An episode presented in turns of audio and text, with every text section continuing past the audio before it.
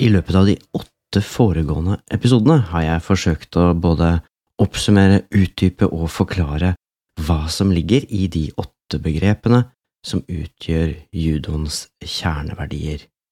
Det er jo sånn at både det internasjonale, det europeiske og det norske judoforbundet viser til disse såkalte kjerneverdiene i judo, og vi har nå gått gjennom dem i ro og mak. Har du ikke fått med deg de åtte episodene, så kan jeg jo anbefale deg å høre dem først, men det går jo utmerket an å høre på denne episoden også uten å ha gjort disse forberedelsene. Det spørsmålet jeg prøver å svare på i denne episoden, er hvor kommer disse verdiene fra egentlig? Hva er det som gjør at nettopp disse åtte verdiene regnes som judoens kjerneverdier? Jeg heter Arne Midtlund, og du hører på Judomania.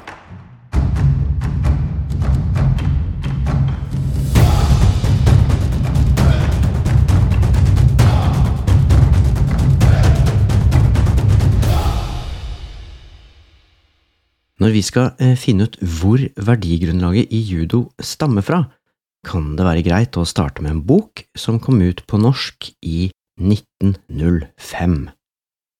I det norske forordet til Bushido, Japans sjel, fra 1905, står det at det kan være av interesse også for norske lærere at kjenne at de eiendommelige moralbegreper og den rettesnor for alt, hva der angår forhold og opptreden i livet, har fått uttrykk i den japanske Bushido. Boka ble skrevet av Inaso Nitobe, og den ble en suksess både i USA og i mange europeiske land. Og boka kan du faktisk lese på Nasjonalbiblioteket, og Nasjonalbiblioteket har en nettside der man kan gå inn og søke på gode, gamle bøker og der går det an å se på boka i sin helhet. Og det har jeg gjort, og mye av kildegrunnlaget i denne episoden kommer derfra. På begynnelsen av 1900-tallet var folk, også her i Norge, fascinerte over det japanske samfunnet og det japanske folk, ikke minst fordi Japan nettopp hadde vunnet en krig mot det enorme Russland. Og i det store norske leksikon så står det Japan slo russerne i den russisk-japanske krig i 1904 til 1905. Etter krigen måtte Russland anerkjenne Japans overherredømme i Korea, anerkjenne Manchuria som kinesisk, samt avstå Sør-Sakhalin til Japan. Hvis vi går tilbake til forordet i boka Bushido Japans sjel, så står det der. I denne tid da japanernes forbausende krigsbedrifter har vakt så stor oppsikt over hele den siviliserte verden, fortjener Bushido særlig oppmerksomhet, da den gjennom århundrer har vært grunnlaget særlig for krigerklassens dannelse. Videre så er man i boka opptatt av at det ikke finnes noen religionsundervisning i de japanske skolene, men at, men at man i stedet baserer seg på såkalte moralske forskrifter slik de er formulert i Bushido. I boka forklares Bushido med hva de kristne nasjoner ville kalle den store sannhet. Og i den neste setningen står det som kanskje kan være et greit utgangspunkt for vår forståelse av judoens åtte kjerneverdier. Den er simpelthen krystallisasjonen av de moralske forskrifter som innskjerpes av alle religioner. Boka til Nitobe ble en suksess i den vestlige verden, og den påvirka synet mange i vår del av verden hadde på bushido, judo og budo. Kjente ledere som Theodore Roosevelt og John F. Kennedy har lest boka, og det samme gjelder også grunnleggeren av speiderbevegelsen, Robert Baden Powell. I Japan ble boka kritisert, blant annet fordi den blander sammen vestlig filosofi, kulturforståelse, religion og vestlige verdier med det japanske krigeridealet. Mange så på det som unøyaktig og lite presist at bushido ble sammenlignet med det europeiske ridderidealet, og de moralske reglene som gjaldt i Europa i middelalderen. I boka diskuterer og forklarer Inazo Nitobe begrepene bushido og samurai ganske grundig. Et av hovedpoengene hans er at disse begrepene er så å si umulige å oversette nøyaktig til vestlige språk. Det ligger nemlig så mange underforståtte og kulturelle konnotasjoner innbakt i de ordene her at det blir feil å kun oversette samurai med kriger eller ridder, for eksempel.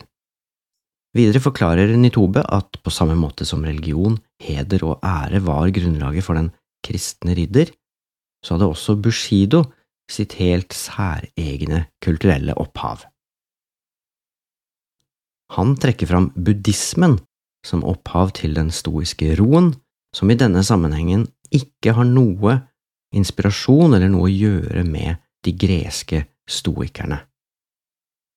Fra buddhismen kommer også tilliten til skjebnen og den rolige underkastelsen til det som likevel er uunngåelig. I forlengelsen av dette legger han også vekt på zen, som han omtaler som det japanske ordet for dhyana, som igjen er et indisk ord for meditasjon og tomhet i sinnet. Zen gir en kontakt med det absolutte, og den som oppnår denne kontakten, vil heve seg over det verdslige. Videre viser Inaso Nitobe også til shintoismen, og han skriver at det japanske folk og krigerne spesielt henter sin lojalitet overfor lederne, respekten for forfedrene og sin kjærlighet til sin egen slekt fra nettopp shintoismen. I shintoismen finnes ikke den kristne arvesynden, og der tror man heller på menneskenes medfødte godhet og renhet. Shintoismens lærdom legger vekt på lojalitet og patriotisme. Og shintoismen har etter Nitobes mening gjennomtrengt bushido med lojalitet overfor herskeren og kjærlighet til landet.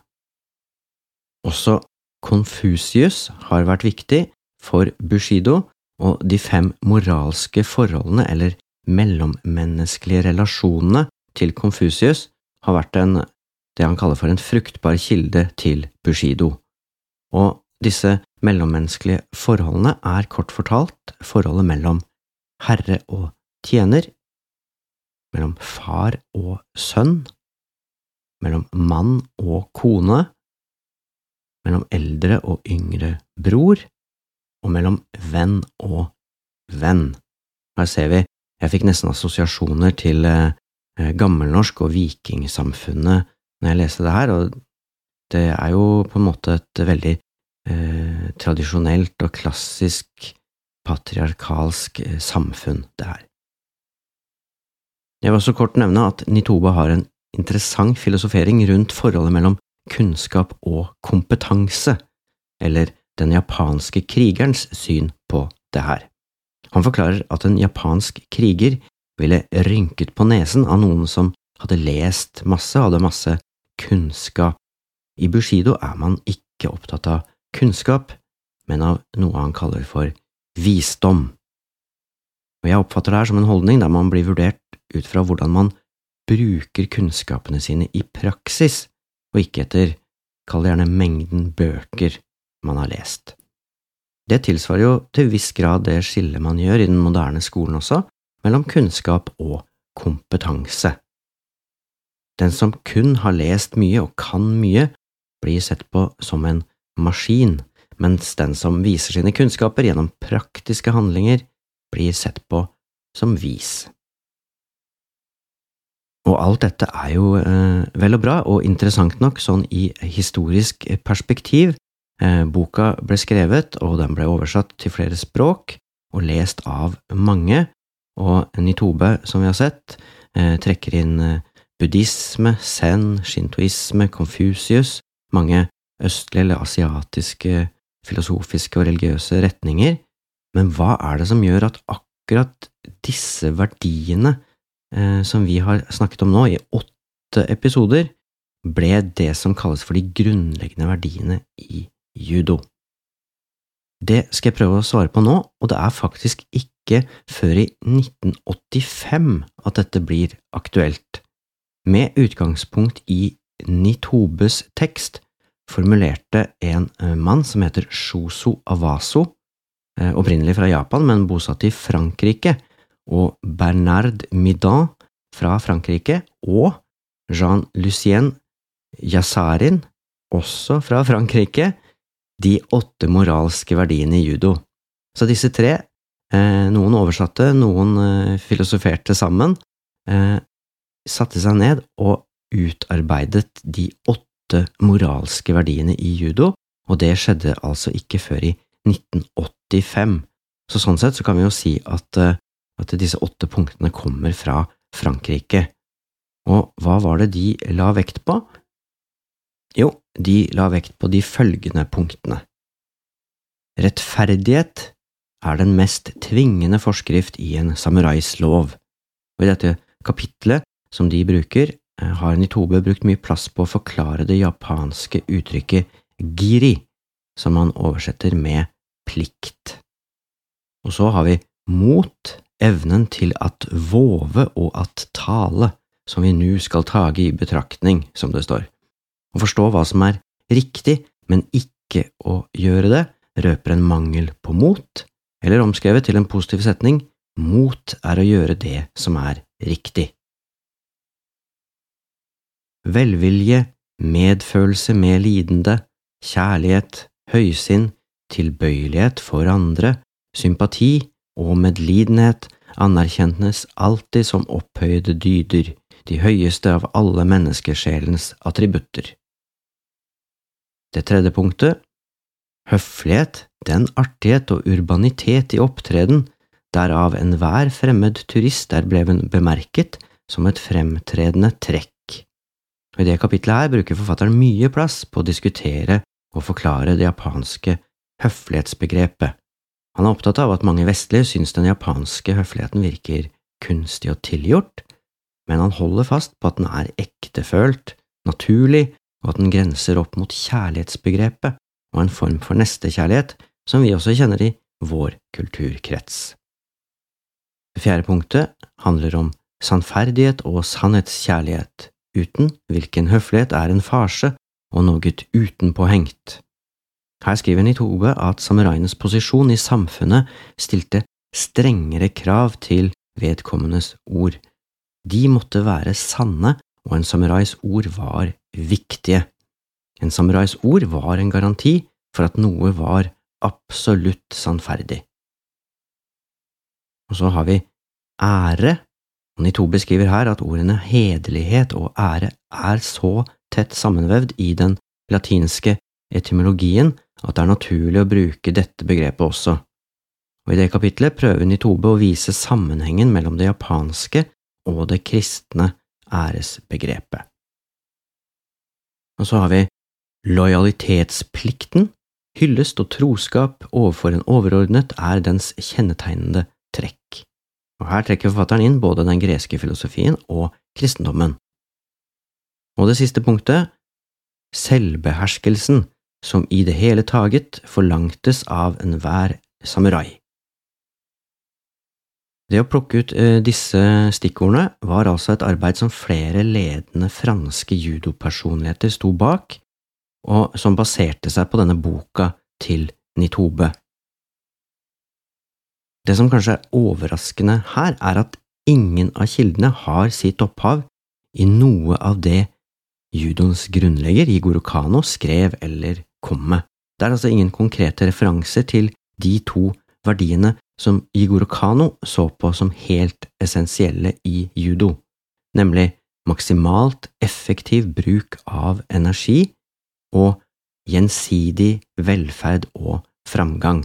Dette er de to aller mest kjente læresetningene Igoro Kano kom med når han skulle forklare hvilken rolle judo skulle spille i samfunnet, altså maksimalt effektiv bruk av energi og gjensidig velferd og framgang. Det betyr jo ikke nødvendigvis at de åtte verdiene som trekkes fram av eh, judoforbund over hele verden, ikke er i tråd med det Jigoro Kano sto for, men i de ulike begrunnelsene jeg har sett for at nettopp disse åtte begrepene ble fastsatt, så er det stort sett Nitobes forklaringer av hva Bushido er, som står for utgangspunktet. Uansett utgangspunkt så kan man kanskje si at disse åtte stikkordene, disse åtte kjerneverdiene, er et godt utgangspunkt for alle, uansett om du trener judo eller bare holdt på å si driver dank, så kan disse eh, ordene kanskje gi deg noen eh, eh, rettesnorer for hva man bør fokusere på. Og for å repetere dem så var det mot, respekt, beskjedenhet, oppriktighet, vennskap, ære, høflighet og selvkontroll. Og alt dette er jo veldig flotte plussord som eh, kan være nyttige følgesvenner i livet. Har du som hører på en kommentar eller spørsmål til det du nettopp har hørt, skriv veldig gjerne en e-post til podkastkrøllalfa.judomania.no. Det var alt for denne gangen. Takk for at du hørte på. Ha det bra.